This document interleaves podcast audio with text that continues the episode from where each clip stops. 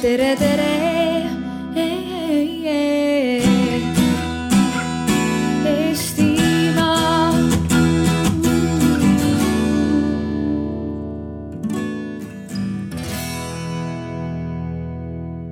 Tere, ilusat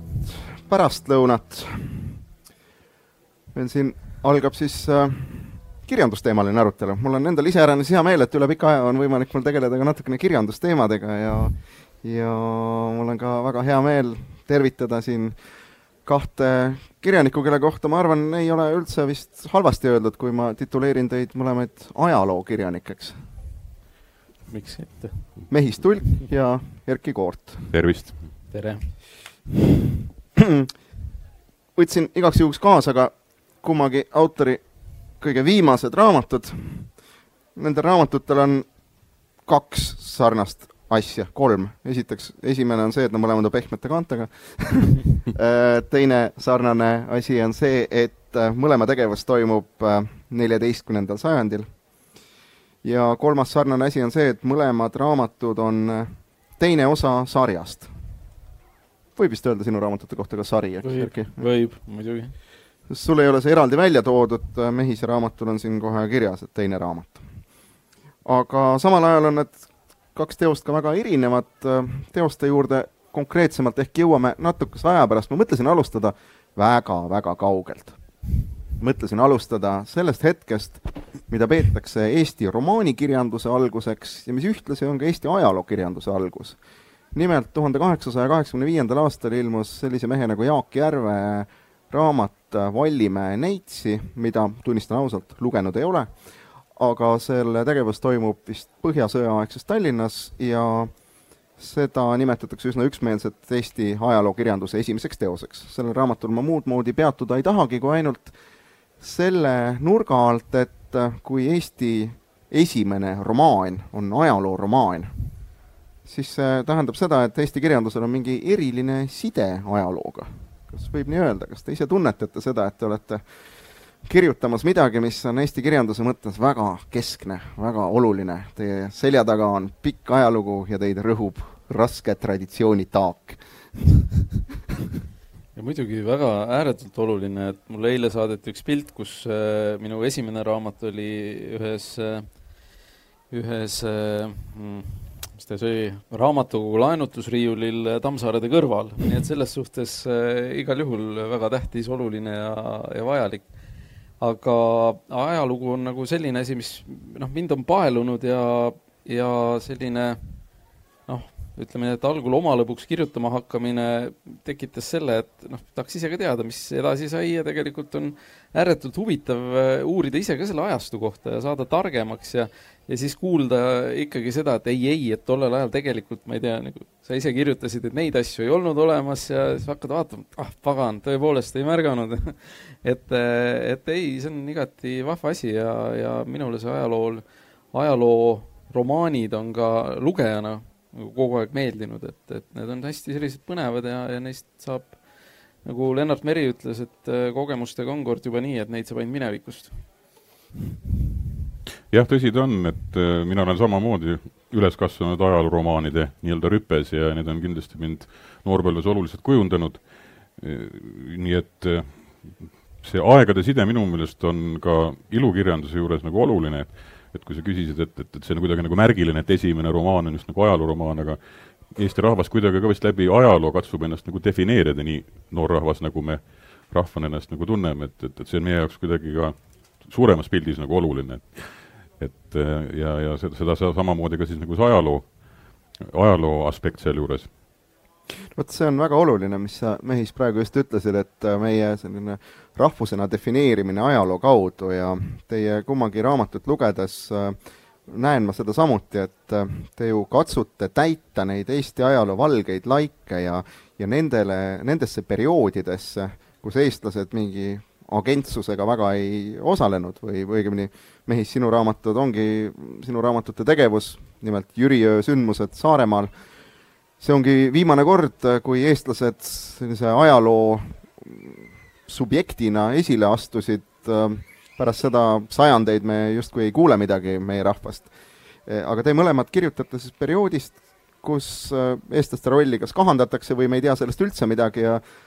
te tegelete ju ka sellise rahvusliku müüdi loomisega, kas pole nii? ei, tõsi ta on, aga samas on ta ääretult köitev, sellepärast et ka noh, minu puhul oli selle teema valik äh, just nimelt, mida sa mainisid, et, et üks selliseid suuremaid hetki, kus äh, meie esiisad, ütleme noh, meie rahvuse e, rahva eel, eelisad suures pildis nagu ajalooareenil olid, peale seda läks nii, nagu ta läks, et noh, tundub, et, et rahvale pandi peale mingis mõttes selline nagu safe mode ja, ja algas ka, ütleme, selline nii-öelda veelahe, suurema veelahe tekitamine, tähendab, erinevate rahvusgruppide vahel, et et taandus see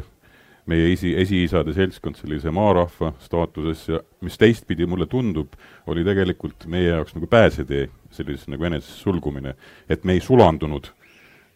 ühte teise rahvusgruppi, mis näiteks juhtus preislastega, mis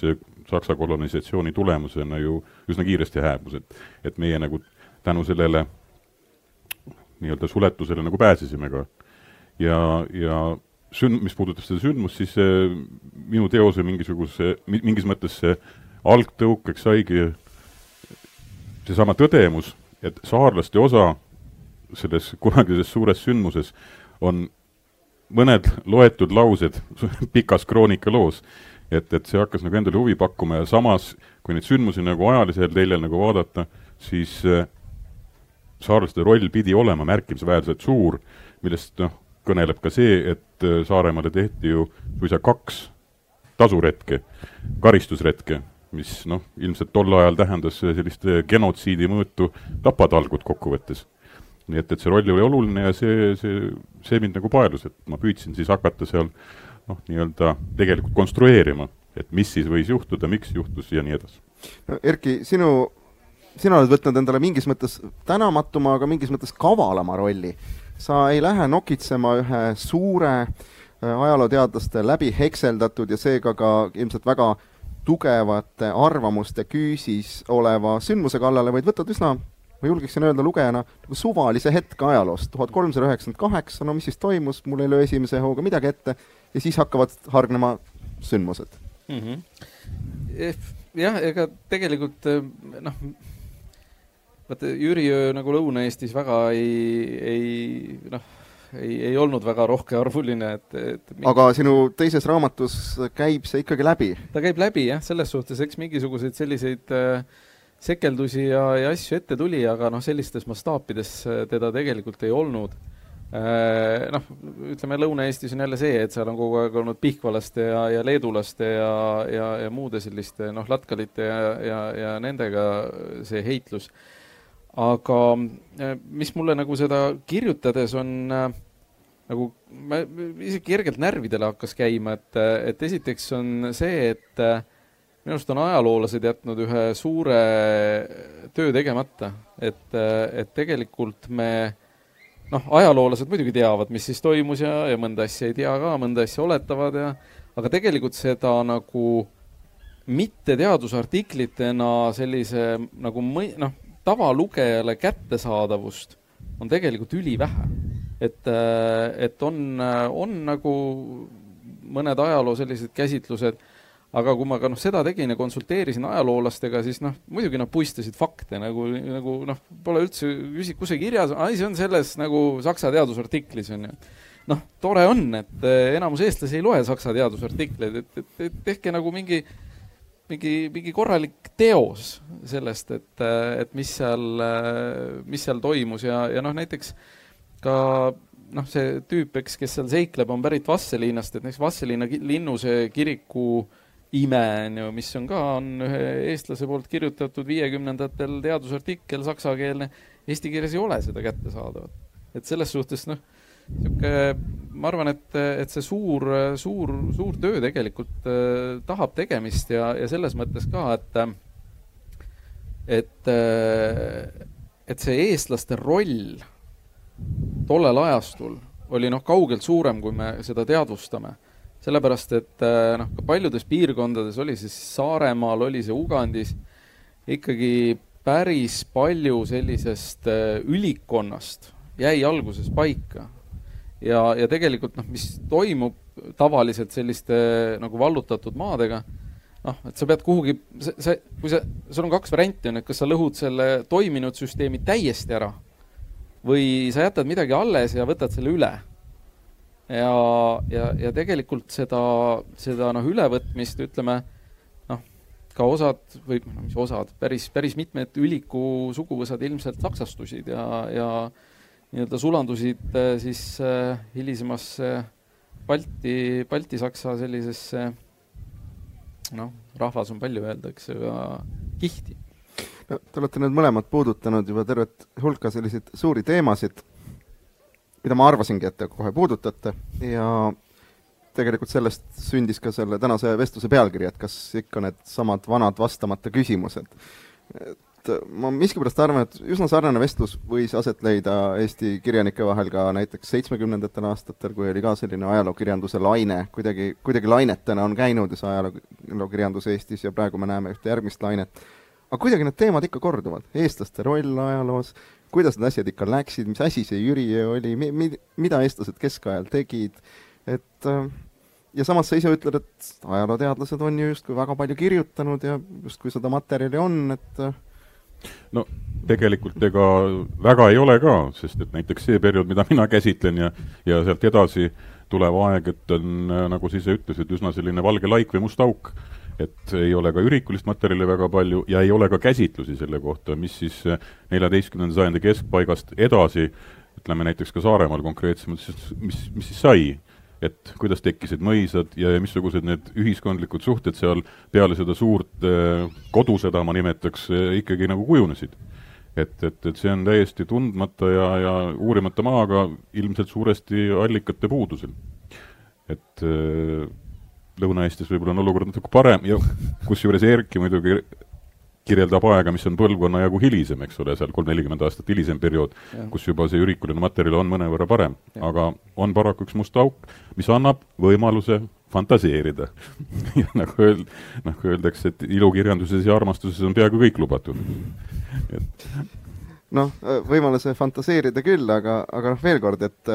kas, kas paljudele nendele küsimustele siis tõesti ei ole vastuseid, kas me siis tõesti, ma ei mõtle isegi niimoodi ajaloolaste seltskonnas, vaid ka laiemalt niimoodi ühiskonna või rahvana, siis siis lõpuks ometi ei, ei saa ka neid vastuseid või? Et, et miks tuleb kirjanikel ikka ja jälle nende asjade juurde tagasi pöörduda, kas sellepärast, et vastuseid ei ole või sellepärast, et iga põlvkond tahab kui mitte uusi vastuseid, siis neid vanu vastuseid uues kuues? eks ta on vist natuke kõike seda ja ma arvan, et see on see ka, et eh, noh, eks aja, ajapikku on ka näinud nagu erinevates töökohtades, kus äh, kus eh, noh, tuleb väljast inimene ja, ja siis noh, see on selge, et ta ei tea kõike, mis on varasemalt olnud, hakkab äh, otsast pihta mingisuguste toimetamistega ja, ja mingi aeg avastab, et aa, pagan, et seda on tegelikult juba tehtud, seda on tegelikult juba tehtud. Ja, ja mina olen ka selline,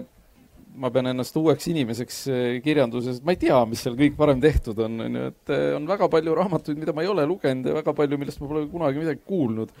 aga ma ei lase ennast sellest sugugi segada, et et eh, kui ma oleks lasknud seda teha, siis ma poleks eh, seda, seda tükki ette võtnud. aga ma arvan, et see on natuke selline ka eh, noh, eks ju kodud on raamatuid tihtipeale täis, aga, aga palju me sealt raamaturiiulist noh, nagu neid raamatuid kogu aeg niimoodi välja võtame ja loeme et eh, pigem on see, et mis tuleb uus, eh, võtame selle ja, ja loeme seda ja, ja, ja see eelmine raamat eh, seisab sama koha peal alates viimasest remondist, et et pole vahepeal liikunud kuskile. aga natuke on ka see, et noh, mis minu jaoks oli, oli nagu oluline, et noh, ajaloo käsitluses, sellises noh, kooli ajaloo käsitluses, eks oli, oligi see muistne vabadusvõitlus, eks äh, peale seda nagu justkui algas pimedus, äh, siis tuli, eks, Jüri ülestõus, siis oli jälle pimedus, siis tuli Liivi sõda, siis noh, jälle vahepeal mitte midagi ei olnud, siis tuli Põhjasõda. veel suurem pimedus. veel suurem pimedus. ja, ja mulle sattus kätte niisugune raamat nagu Kristjan Kelchi Liivimaa kroonika. ja, ja lugesin seda täitsa huviga, noh muidugi, eks seal on natuke ka seda äh, noh, legende ja nii nagu kõikides nendes kroonikates sees, eks, et in-, internetti ju tookord polnud, järgi ei saanud kontrollida fakte. aga äh, seal oli noh, üks selline, selline koht, kus äh,, kus äh, Riia peapiiskop äh, lähetas siis oma need saadikud, minu arust kas oli Rooma või Saksamaa, ma võin selle eksida, ja ordu püüdis nad kinni, uputas ära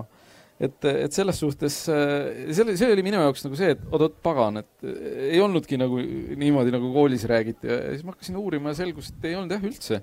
ja, ja lõppkokkuvõttes noh, ega ka siin selles linnuses istus kindlasti omal ajal palju eestlasi ja, ja mitte üldse kongides, vaid sõjasulastena, et, et need Saksamaa palgasõdurid ja, ja Rootsi palgasõdurid tulid äh, jupp-maad hiljem, kui noh, talurahva seast enam ei võetud. Ja, ja teatavasti noh, seesama süsteemi ülevõtmine tähendas ka seda, et, äh, et talupoegadele tekkis äh, väekohustus või noh, ütleme jätkus, kui varem pidi minema vanema kutse malevasse, siis nüüd pidi minema ordu või, või piiskopi kutsel siis sõjakäigule. ja noh, ka ju sellel ja tegelikult tea, täpsustan, et alguses mindi ikkagi mal-, vanema kutsel, vanemad kutsus Urdu Just. ja vanem kutsus siis oma mehed kokku, et on ju täitsa teada, et kolmeteistkümnendal sajandil osalesid eestlased malevate kaupa mm, -hmm. mitte ordu meeste juhtimisel mm, -hmm. vaid mhm. oma vanemate juhtimisel. et noh, seesama süsteemi ülevõtmine on ju, et,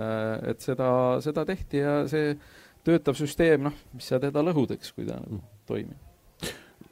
kui nende küsimuste juurde tagasi tulla, nagu sa ütlesid, et, et muudkui esitatakse neid küsimusi, siis tuletame meelde, et äh, seesama meie romaan ja ajalooromaan on ainult vist napilt sada nelikümmend aastat vana, mõned kümnendid rohkem kui Eesti riik ise, eks ole. ja, ja, ja me teame, mis, äh, mida on see Eesti riik sellesama aja jooksul läbi elanud, missugustes erinevates poliitilistes situatsioonides me oleme olnud, tähendab, ja ja, ja see käsitlus on ka lähtuvalt sellest nii-öelda hetkevõimust olnud ka mõnevõrra erinev. sest et kui me tuletame meelde noorpõlves loetud Enn Kippeli Meelis, need on omas ajas kirjutatud või Ümera jõel ja, ja täna võib-olla me vaatame nendele asjadele mõnevõrra teistmoodi, et eh, seal teatud kiht võib-olla tuleb maha lihvida, anda natuke mingisugune teine toon ja, ja nii et, et see, see on ka sedapidi nagu muutuses, et, et meie enda elu, see keskkond, kus me oleme olnud, need formatsioonid, mida me oleme läbinud, ongi hoidnud neid küsimusi tegelikult kogu aeg üleval. Ma korra võib-olla ütlen selle, et see Ümera jõel ja, ja Meelis ja tegelikult need on eh, noh, minu käest on tihtipeale küsitud üks raamatu kohta, et noh, et Harglaga, see võrdlus Harglaga eh,, keegi ei ole kunagi võrrelnud Kippeliga. Et, et ma arvan, et Kippel ja, ja Bornhöhe on mind märksa rohkem mõjutanud kui Hargla, et, et selles suhtes see, see omaaegne noh, nii-öelda kas kohustuslik kirjandus või noh, mis seal salata, ega põnev oli lugeda ju neid äh, Ümera jõel ja, ja Meelis ja, ja samamoodi need äh, Pirita kloostrid ja igasugused tasujad ja, ja kõik, et, et selles suhtes, et kindlasti on see, on see mõju avaldanud. mõju,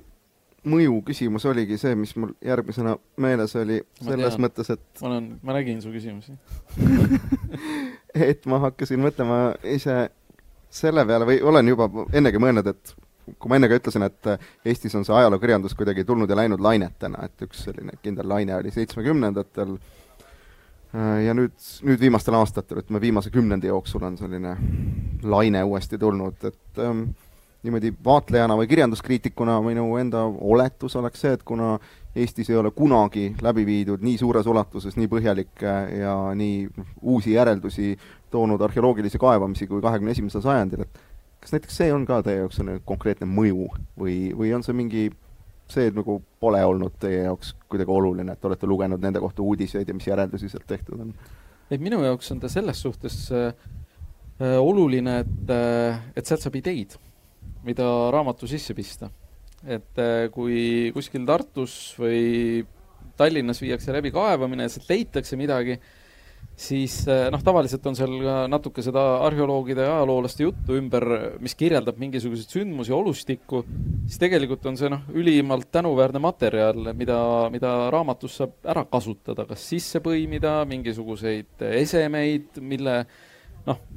mingid asjad on niimoodi, mida sa nagu esemes, esemete mõttes mõtled, et noh,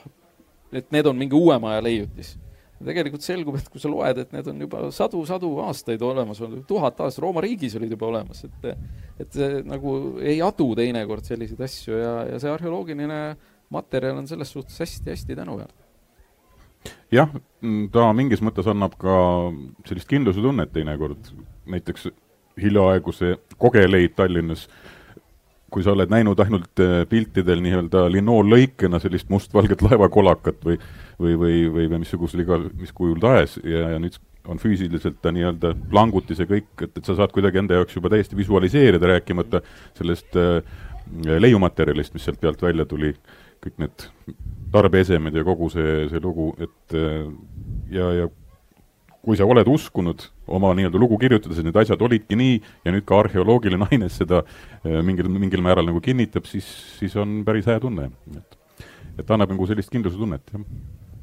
absoluutselt. aga samal ajal ajalookirjandus on ikkagi eelkõige ilukirjandus, et äh, ühest küljest on ilmselt seda kindluse tunnet vaja, aga nagu juba enne tõdetud, et äh, noh, need on ju sellised teemad, millest on kirjutatud, on ajalooasju kirjutatud, aga nüüd te hakkate fantaseerima. leiutate tegelased, asetate nad sellesse aega, selle riistvara keskele ja panete nad tegutsema, et äkki räägite sellest ka natuke, et kuidas, kuidas on, kuidas, kuidas luua tegelane, kes äh, ei tea midagi äh, internetist ja kellel ei ole nutitelefoni taskus ja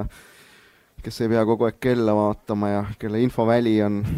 nii ahtakene, et oota, kuidas seal Erki seal oligi, et see peategelane ei ole vist Riias niikuinii kunagi käinud, vist Pärnus ka ei olnud käinud? ei, Pärnus ka ei olnud käinud ei ta ikka Vastseliinast ja Alulinnast pa Paidesse ka ei olnud ju jõudnud. Paidesse ta polnud üldse saanud ja Tartu kanti ta ja Peipsi äärde üldse polnud saanud. mehise tegelased rändavad natuke rohkem siiski, noh, kes muidugi, mõne, mõned neist. no saarlased rändasidki palju rohkem ja, ja nende maailmapilt oli kindlasti palju suurem kui võib-olla keskmisel lõunaeestlasel, vabandust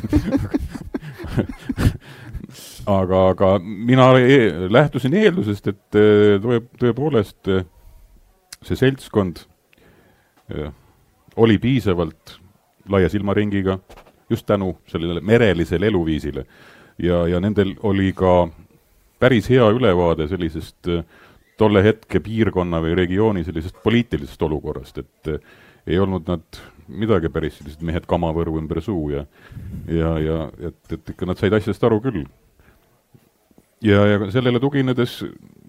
ei olnud nüüd väga keeruline hakata neid karaktereid üles ehitama, no loomulikult kui sa ütled, et, et noh, ei olnud internetti ja palju, väga paljusid asju muid ei olnud, et et, et selle noh, sellise psühholoogilise portree loomine, ta on ikkagi paljustki intuitiivne ja teistpidi kogemuslik, nii palju kui sa oled muudest teostest seda endale kuidagi selgeks, selgeks lugenud, et et eks ta nõnda järk-järguline protsess oli. Tegelikult on see tegelaste tekitamine ikka jube keemia.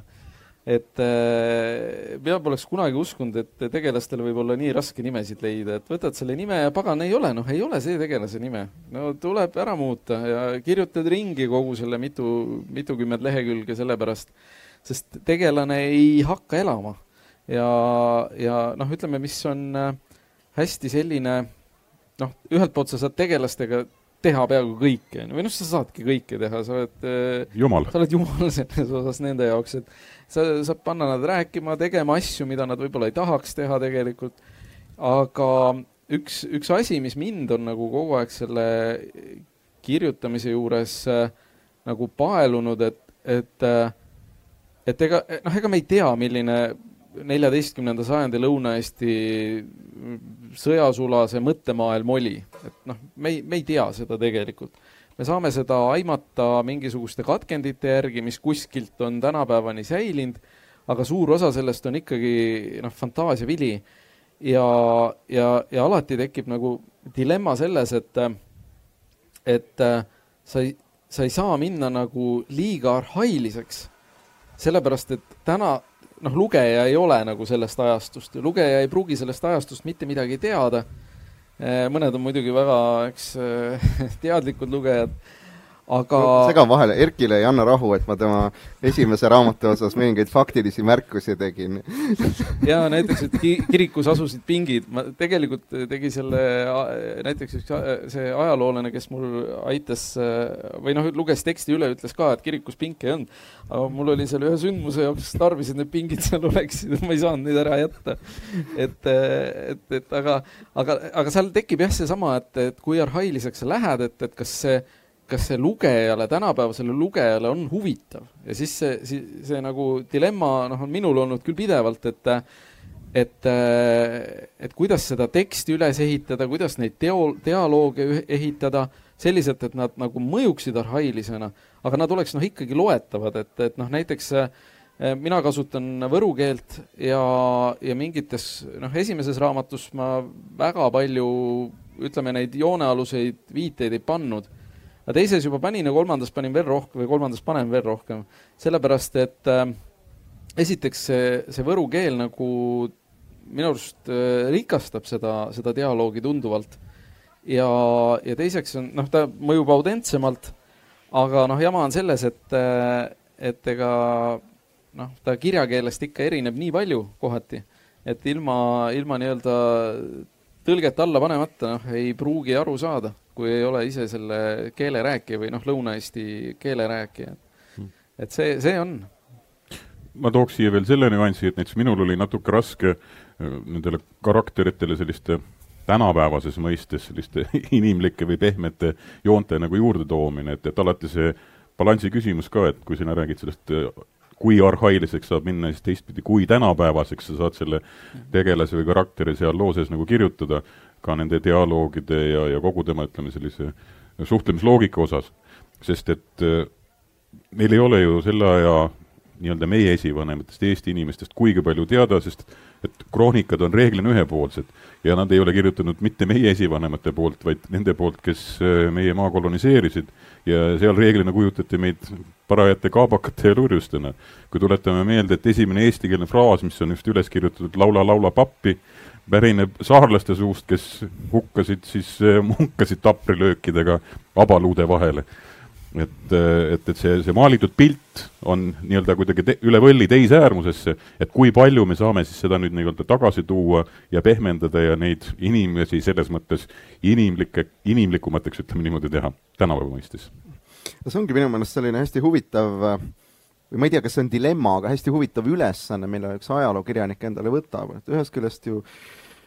teete te ilukirjandust, mängite sõnade, mängite keelega, millest ju Erki ka praegu rääkis, aga teisest küljest võtate te endale ju ka missiooni rääkida ajaloost ja rääkida sellest nii, nagu teie tahate, ta,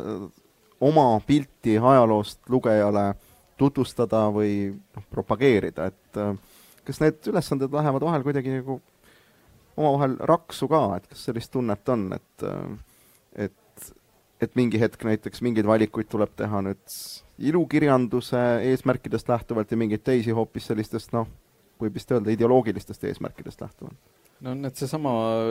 pingid kirikud mul oli vaja, need pingid seal on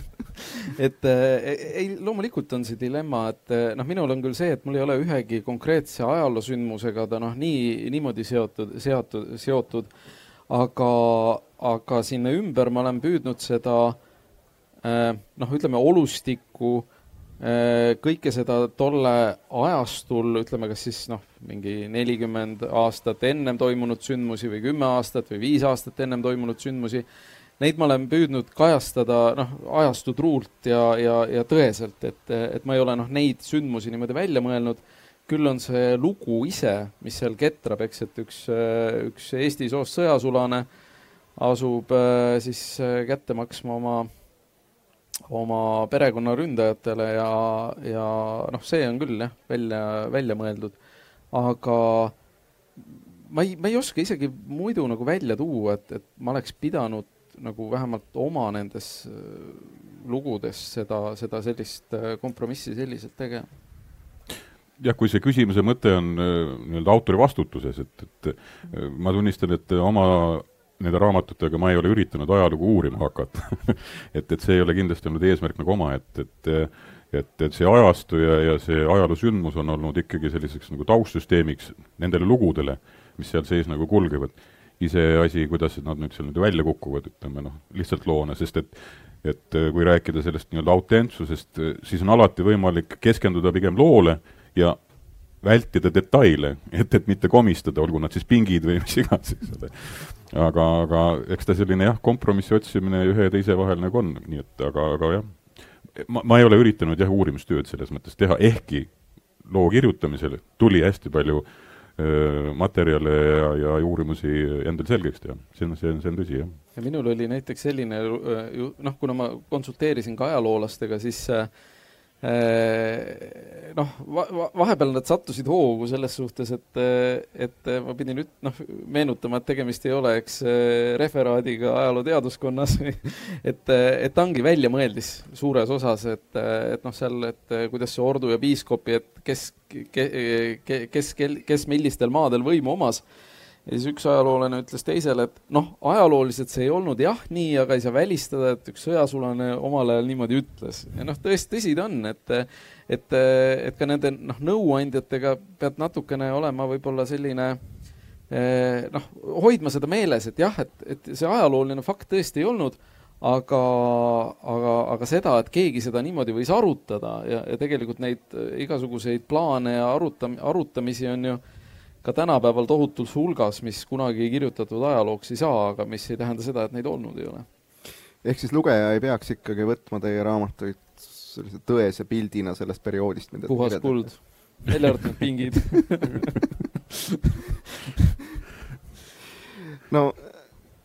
tulen veel korraks tagasi sellise, kuidas siis nii-öelda metateema juurde või et äh, mulle tundub, et üldse maailmas praegu, või läänemaailmas äh,, on äh, ajalookirjandus kuidagi väga popiks tulnud, muutunud, see on kuidagi väga suurelt tagasi tulnud. julgete äkki spekuleerida sellele, miks see, miks see nii on või, või kui ka mitte maailma üle, siis Eesti üle, miks see on nii, et et kirjanikud tahavad rohkem kirjutada ajaloost ja ilmselgelt lugejad tahavad ka rohkem lugeda ajaloost? raske öelda, võib-olla seesama mõte, mis ka vist Uku Masingi ütles, et, et kui me ikka seda minevikku ei tea, siis me ei oska selle tuleviku kohta ka suurt midagi nagu arvata, et, et, tasuks nagu teada ehk mingisuguste võib-olla pidepunktide otsimine selles tänases suhteliselt ebakindlas ja, ja näib, et aina ebakindlamaks ja selgusetumaks muutuvas maailmas. et, et võib-olla see on üks selline seletus. jah, see see võib olla täitsa, täitsa vabalt üks, üks põhjustest, et otsida neid ankurpunkte nii-öelda, et, et kuskil, kuskil oma identiteeti. noh, teine asi on, on minu arust see, et, et iga rahvas tahab omada kuulsusrikast minevikku. ja eks natuke ka ma ei tea, mulle tunne, mul on selline tunne, et kirjanike kohus on seda ka anda, seda võimaldada, seda kuulsusrikast minevikku. ja, ja tegelikult äh, noh, rääkida, rääkida neid lugusid selliselt, et, et inimesed äh, tahaksid minna edasi, tahaksid mõelda e-, veel nagu uurida näiteks selle ajastu kohta või, või võtta mingisuguse noh, et äh, äratada neis ka seda huvi, et, et kas see tõesti võis nii olla, et noh, ma ei ole kunagi mõelnud, et see nüüd niipidi oleks ja ja sa võtad ja sa hakkad minema ja selgub, et jaa, pagana, see võiski nii olla, sest eh, noh, tegelikult ju ka ajaloolased teevad ju tohututes kogustes hüpoteese, et eh, leiavad mingisuguse katkise asja maa seest ja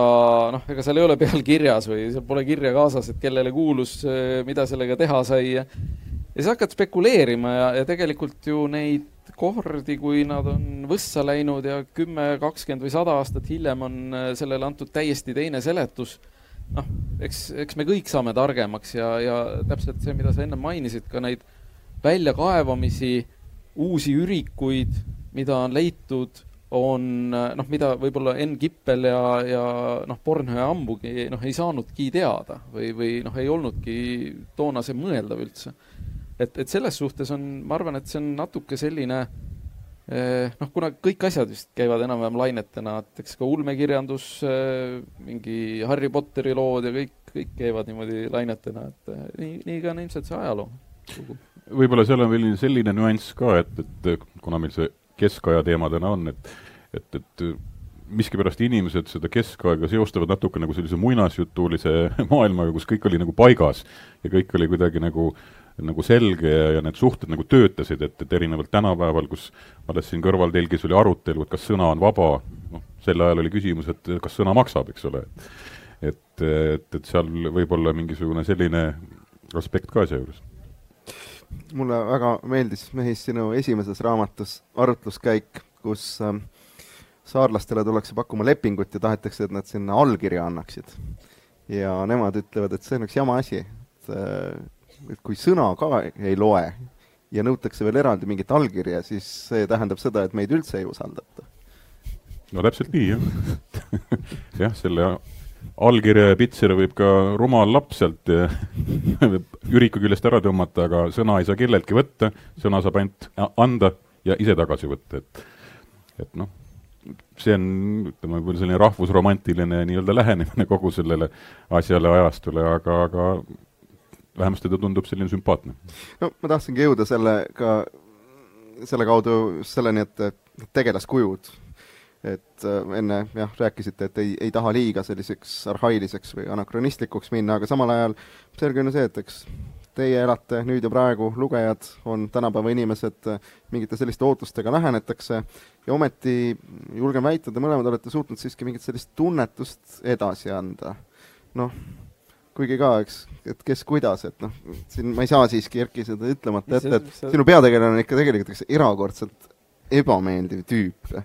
et erakordselt halb inimene, et kui sa, kui sa räägid nüüd sellest, et sa tahad ajaloost mingit eeskuju anda või nii, et siis noh, ma ei tea nüüd, kellele, millist eeskuju aga teises osas paistab, et ta hakkab nagu ümber kasvama uh,. mis mõttes, ta põhimõtteliselt mõrvab õlle kõrvale inimesi seal juba ma, ma, ma pean silmas sellist äh, suhteid naistega, et kus eluvennast saab äkki õrn esimene armastaja. noh, ütleme niimoodi, et ega siis äh, inimesed ju, on ju, muutuvad natukene, aga, aga noh, eks tuleb arvestada seda, et, et kui noh, ennem oli juttu nendest ürikutest ja kroonikatest, eks, mille panid kirja enamasti sakslased, rootslased või venelased keda, kelle jaoks eestlased olid väga ebameeldivad ja kiuslikud ja, ja verejanulised tegelased, siis eh, noh, jama on selles, et eestlased ei pannud lihtsalt kirja, et, eh, et ega siis nemad, need sakslased vähem verejanulised ei olnud, et need olid samamoodi, ega see noh, ütleme, et see keskmine saksa talupoeg, kes oli siia sõjasulaseks värvatud, ega noh, mis ta oli ega siis ta mingi ülikooliharidusega siia ei tulnud. et, et selles suhtes nagu seda,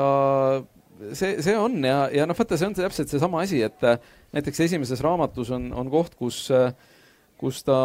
seal annab ühele maaslamajale jalaga näkku ja, ja siis mul üks nii-öelda kontrollgrupp, kes raamatut luges algus, enne, enne avaldamist, siis ütles, noh, kas jalaga näkku on ikka hea mõte, et see, kuule, mis asja, ta just tapab inimese ära, sa räägid seda, et ta lööb kedagi. et noh, et ei ole ilus. et, et, et niimoodi ei ole ilus, nii ei tehta, on ju, noh muidugi, et see, see ongi täpselt see, on ju, et et sa kirjeldad seda, noh, seda brutaalsust ka, on ju, ja, ja noh, toonast, toonast hetke, on ju. Noh, polnud mingit äh, romantikat, eks, et oligi, kas sõna maksis, sõna ei maksnud või, või terrorist välkus, et, et et selles suhtes, et see ei olnud mingi niisugune romantiline aeg, kus äh, inimesed läksid hommiku heinale ja ja aga noh, jama on selles, et eks äh, täisid ja kirpe ja kõiki muid satikaid olid noh, mitte ainult talumehed, vaid ka ülikud otsast otsani täis, et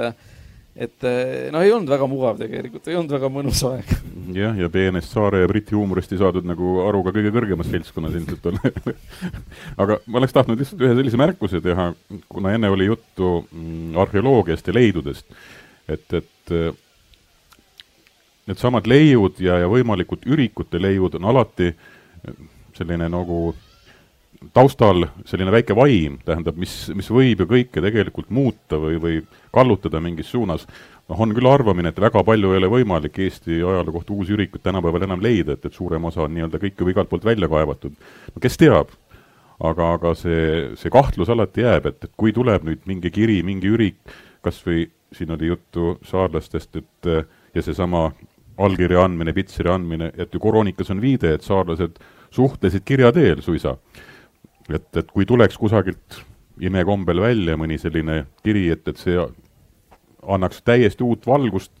teatud teemale ja teatud etapile meie ajaloos. see kahjuks ilmselt äh, ladustati kusagil Ordu arhiivis ja põles äh,, põles äh, Stockholmis ära, kui Ordu piiskopi arhiivis, jah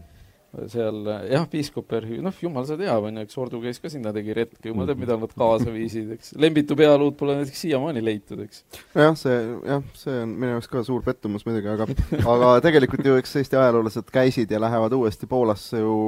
mitte niivõrd seda mingit müütilist kolpa otsima, kuivõrd Poola arhiive otsima, sealt võib ju küll tegelikult midagi välja tulla, kas äh, see kuidagi hirmutab teid ka, et äkki tulebki midagi välja ja kõik see, mis te konstrueerinud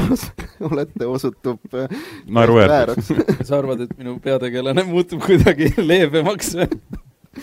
ei, vastupidi, ma arvan, et et see ainult lisab vürtsi, et ja annab ainest jälle juurde, mitte ainult meile võib-olla, aga võib-olla veel inimestele. Ja ega tegelikult kokkuvõttes midagi hullu ka ei juhtuks, et siis needsamad teosed saaksid lihtsalt osaks sellest alternatiivajaloost, mida meil samamoodi kirjutatakse, et siis võib neid nimetada ulmeteosteks või milleks iganes, eks ole. no kus, kus see piir läheb siis äh, ajalookirjanduse ja alternatiivajaloo-kirjanduse vahelt, kus, kust algab äh, fantaasia?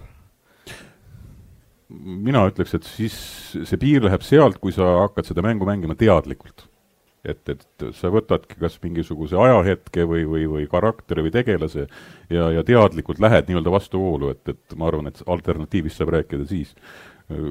kui midagi on valesti, noh, me, meiesuguste asjaarmastajate puhul, siis see on lihtsalt noh, lapsikus või rumalus, aga noh, ütleme niimoodi jah, et samal ajal, kui eks oli Jüri ülestus Põhja-Eestis ja Saaremaal, oli ju Lõuna-Eestis äh, jälle pihkvalastega väike taplus äh, samal ajal, et Otepää Vastseliina äh, liinil oli ikka päris, päris üksjagu sellist kähmlemist. et võib-olla see fant-, noh, ütleme alternatiivajalugu oleks see, et kui need äh, asjad ära vahetaks, ütleks, et äh, tegelikult see äh, venelastega taplus toimus üldsegi Tallinnas ja Jüriöö sai alguse müütilisest Valgada palve maakonnast, et mitte, mitte Harjust või, või Saarest, et, et selles suhtes noh,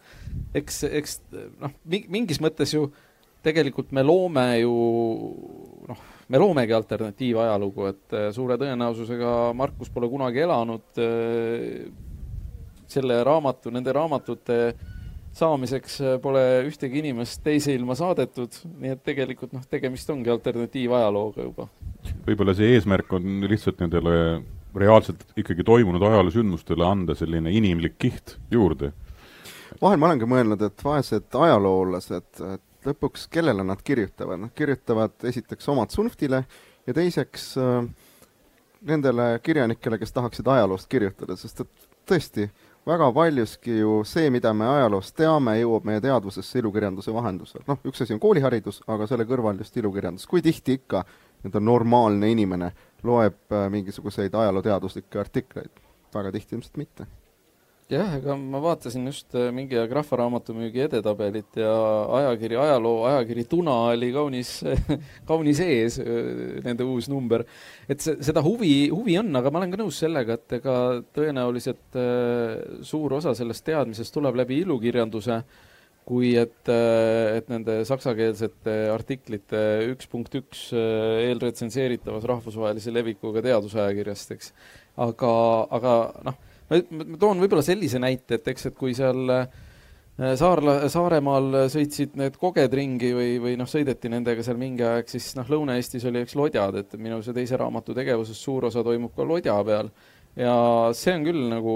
etteheide ajaloolastele, et kui koge on nagu suhteliselt ära uuritud asi või, või noh, selle kohta on uuritud ja selle kohta on üht-teist äh, saada, siis noh, lodja kohta tegelikult ei ole, et see, seda on nagu äh, noh, küll ma käisin seal lodja peal ja, ja käisin, rääkisin nende inimestega, siis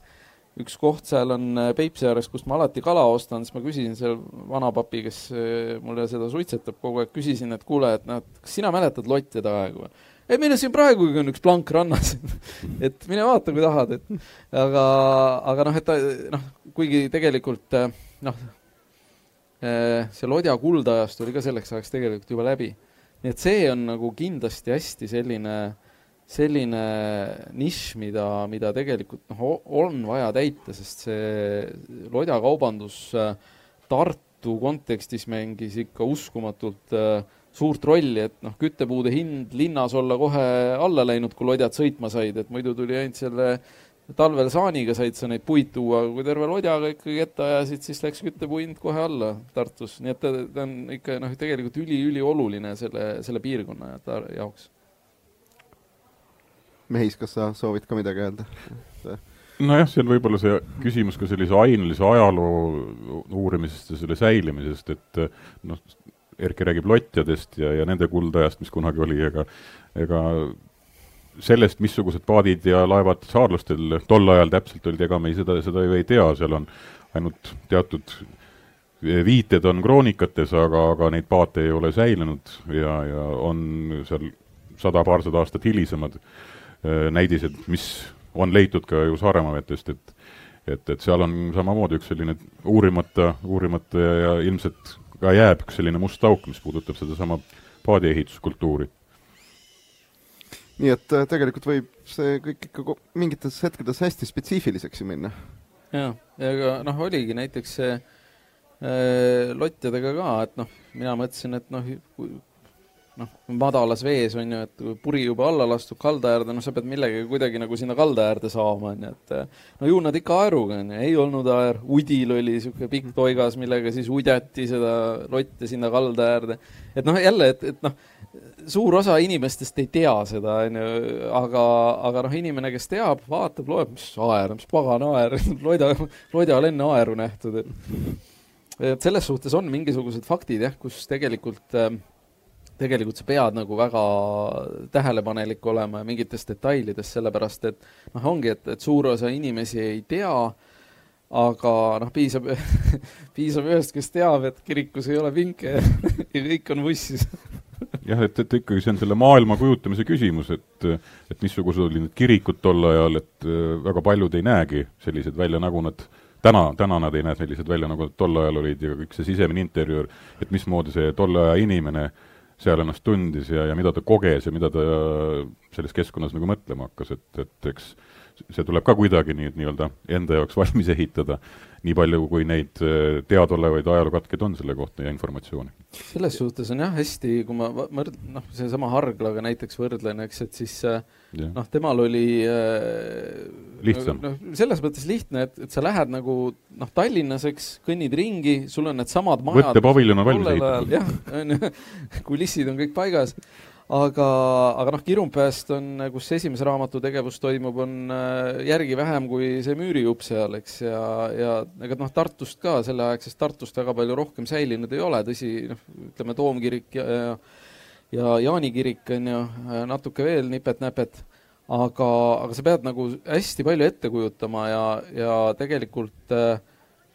ütleme nii, et ega noh, seda ka ju ei taha, et mingi aja, noh, keegi ajaloolane võtab raamatu kätte ütleb, et kuule, sa räägid siin, niisugune torn oli, see polnudki niisugust torni tollel ajal üldse, mis sa räägid siin.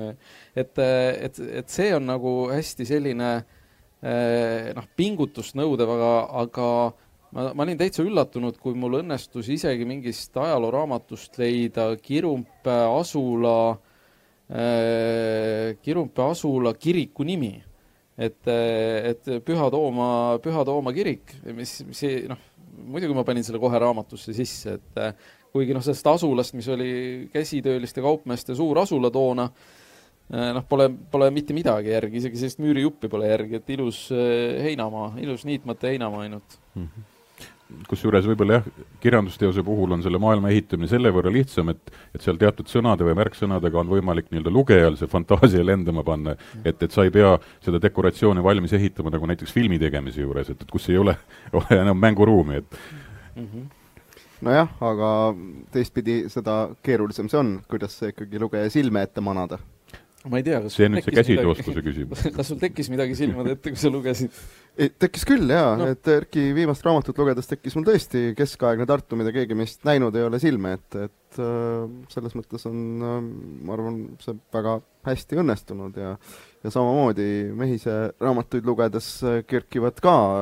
kerkib nii, nii see Pöide linnus, millest ju ka mitte midagi järele ei ole peale kiriku. täpselt nii ja huvitav on see,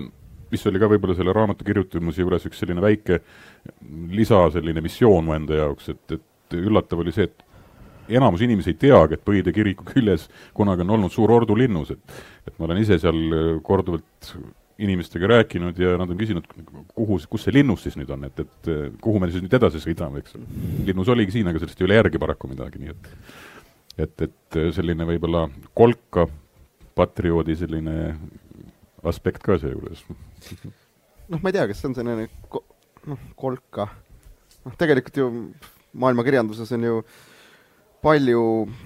väikeseid kohti, mis on just kirjanduse kaudu väga suureks kirjutatud, et äh, selles mõttes ma arvan, kirjandus ei tunne suuri ja väikeseid kohti, et kirjandus tunneb ainult head ja halba kirjandust.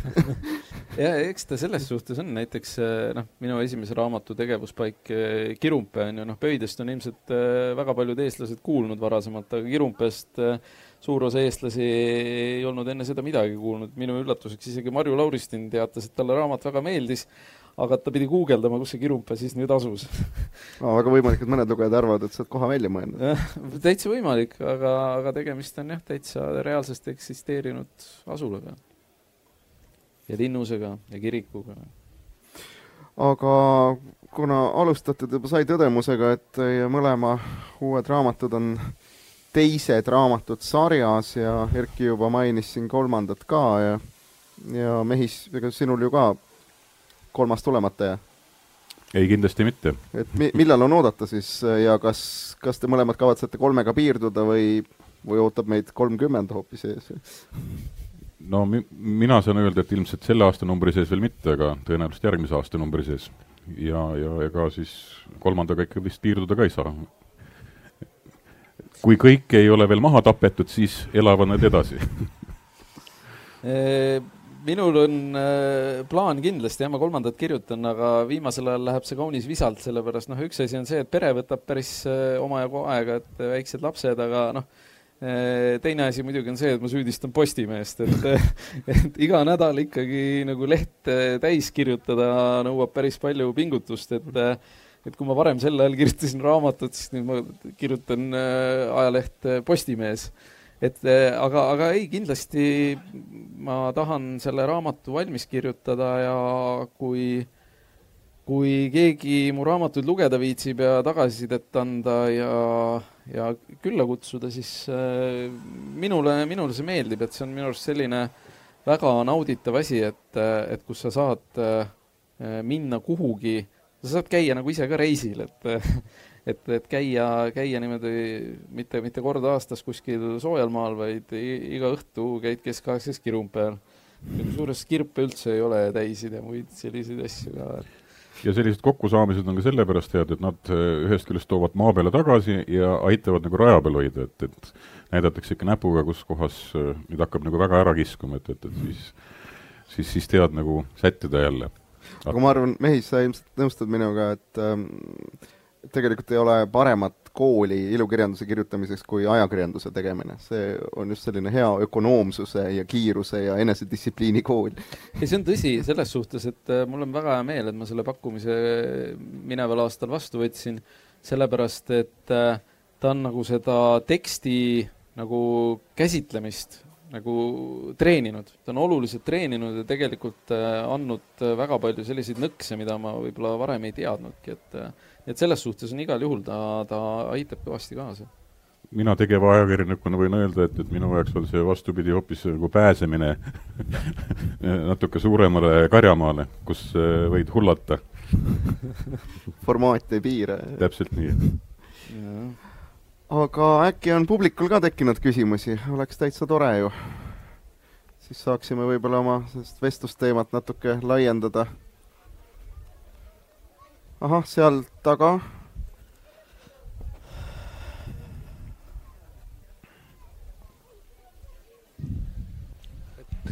mul on võib-olla, vabandust, äh, küsimus, et noh, ma olen noh, ajaloolise romaaniga, mina tutvusin Ümera jõel võib-olla esimene oli, et seal ei olnud praktiliselt üldse nagu seksistseene. et nüüd moodsas aja, ajalookirjandus pigem on nagu sihuke seks on hästi tugevalt peale tulnud, et on see vajalik muidugi on, noh, selles suhtes küsimus see on. Et äh, kunagi mulle kolleegid kinkisid äh, ühe raamatu, et kuidas kirjutada neetult head romaani.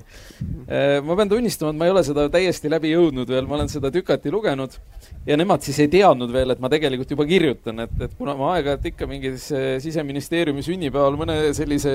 loo rääkisin, mida minister oli teinud või siis, et ei olnud teinud siis äh, nad noh, ütlesid, aitab rääkimisest, pane kirja, on ju, avalda ära. aga miks ma sellest rääkima hakkasin, selles raamatus oli kohe alguses selline lõik, et, et äh, raamatu peategelane on äh, palju rohkem kui tavainimene, ehk et ta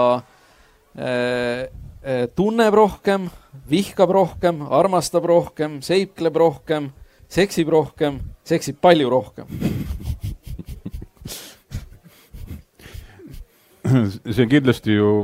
elu koostisosa täna ja oli ka tol ajal, et, et me ei saa seda sealt ju välja kriipsutada ja teisest küljest ta äh, need, need, need stseenid annavad kindlasti vürtsi, küsimus on äh, selles, kuidas neid esitada, et,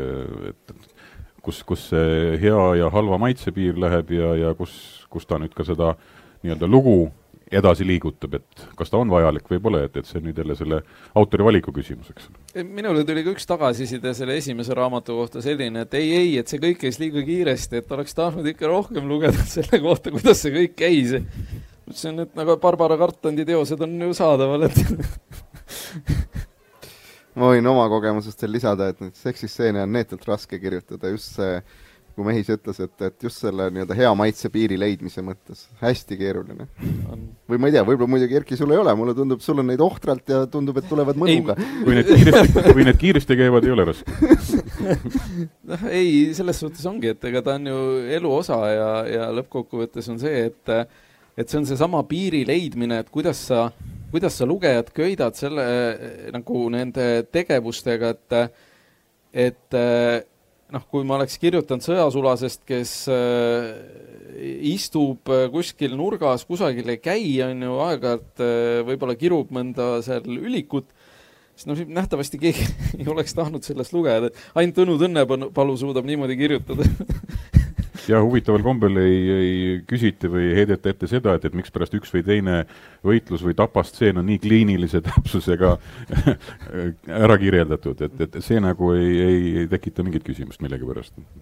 tekitab kindlasti äh,, sellepärast et äh, ega meie noh, probleemid olemata ei jää.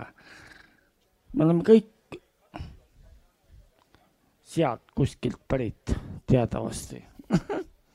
aga, aga kas äh, no jah, kas me võtame seda kõike tõsiselt? ei võta. on ju nii? ei muidugi, see on puhas, puhas lõbu, siin pole mingi, mingit tõsisust. see on, selles suhtes on ju noh ta on selline tore hobi, eks, et eh, mida sa teed ja, ja noh, alati on hästi põnev see, kuidas ma imestan, et sa seda ei küsinud, et kas, kas karakterid on ka tegelikud inimesed, et et ütleme niimoodi, et seda on nagu päris palju teistes formaatides küsitud ja, ja, ja, ja küsitud ka niimoodi, et kuule, ma lugesin, näed, see inimene, kas, kas see tegelane on see inimene, et, et see, selles suhtes äh, see on muidugi alati hea võimalus kätte maksta oma vihavaenlastele, on ju, et kirjutada mingisuguseks äh, lollakaks tegelaseks sinna sisse. Ja see on ju ja piisavalt äratuntavalt. ja peale piisavalt äratuntavalt ja, ja, ja see, ja see osa on sellest väga suur lõbu. Ja aga loomulikult ei saa seda lõpuni tõsiselt võtta, sest et äh, ma arvan, et ei Erki ega mina, me kumbki ei kirjuta ju kooliõpikut, ütleme nende raamatute näol et, et seda tuleb võtta loomulikult mööndusega. et noh, kui läbi, raha, teise, teise töökohaga rahandusläbirääkimistel rahandusminister ikka raha ei andnud, siis kirjutad ta sinna sisse ja siis lootuses, et ta saab ka järgmine kord ministriks, ja ta on seda lugenud ja ta ei taha teist korda enam sinna sisse sattuda et siis avab ka rahakotirauad. ma olen muidugi üsna kindel, et Siseministeeriumis loetakse sinu raamatuid natuke teise pilguga, kui teised inimesed ajavad. no seda kindlasti, ma loodan küll kas kellelgi on veel mõni küsimus, mõtteavaldus, võib-olla tahab keegi vastu vaielda äkki? et äh, võib-olla on ka seisukoht, et siin laval olijad on kõigest valesti aru saanud aga kui ei ole, siis ma tänan Mehis Tulk, Erkki Koort selle jutuajamise eest. soovitan kõigile raamatuid lugeda. väga toredad. puhkuse ajal lugesin, ei kahetse, oli lõbus. aitäh ja eks siis äh, ootame teie järgmiseid teoseid. aitäh! aitäh!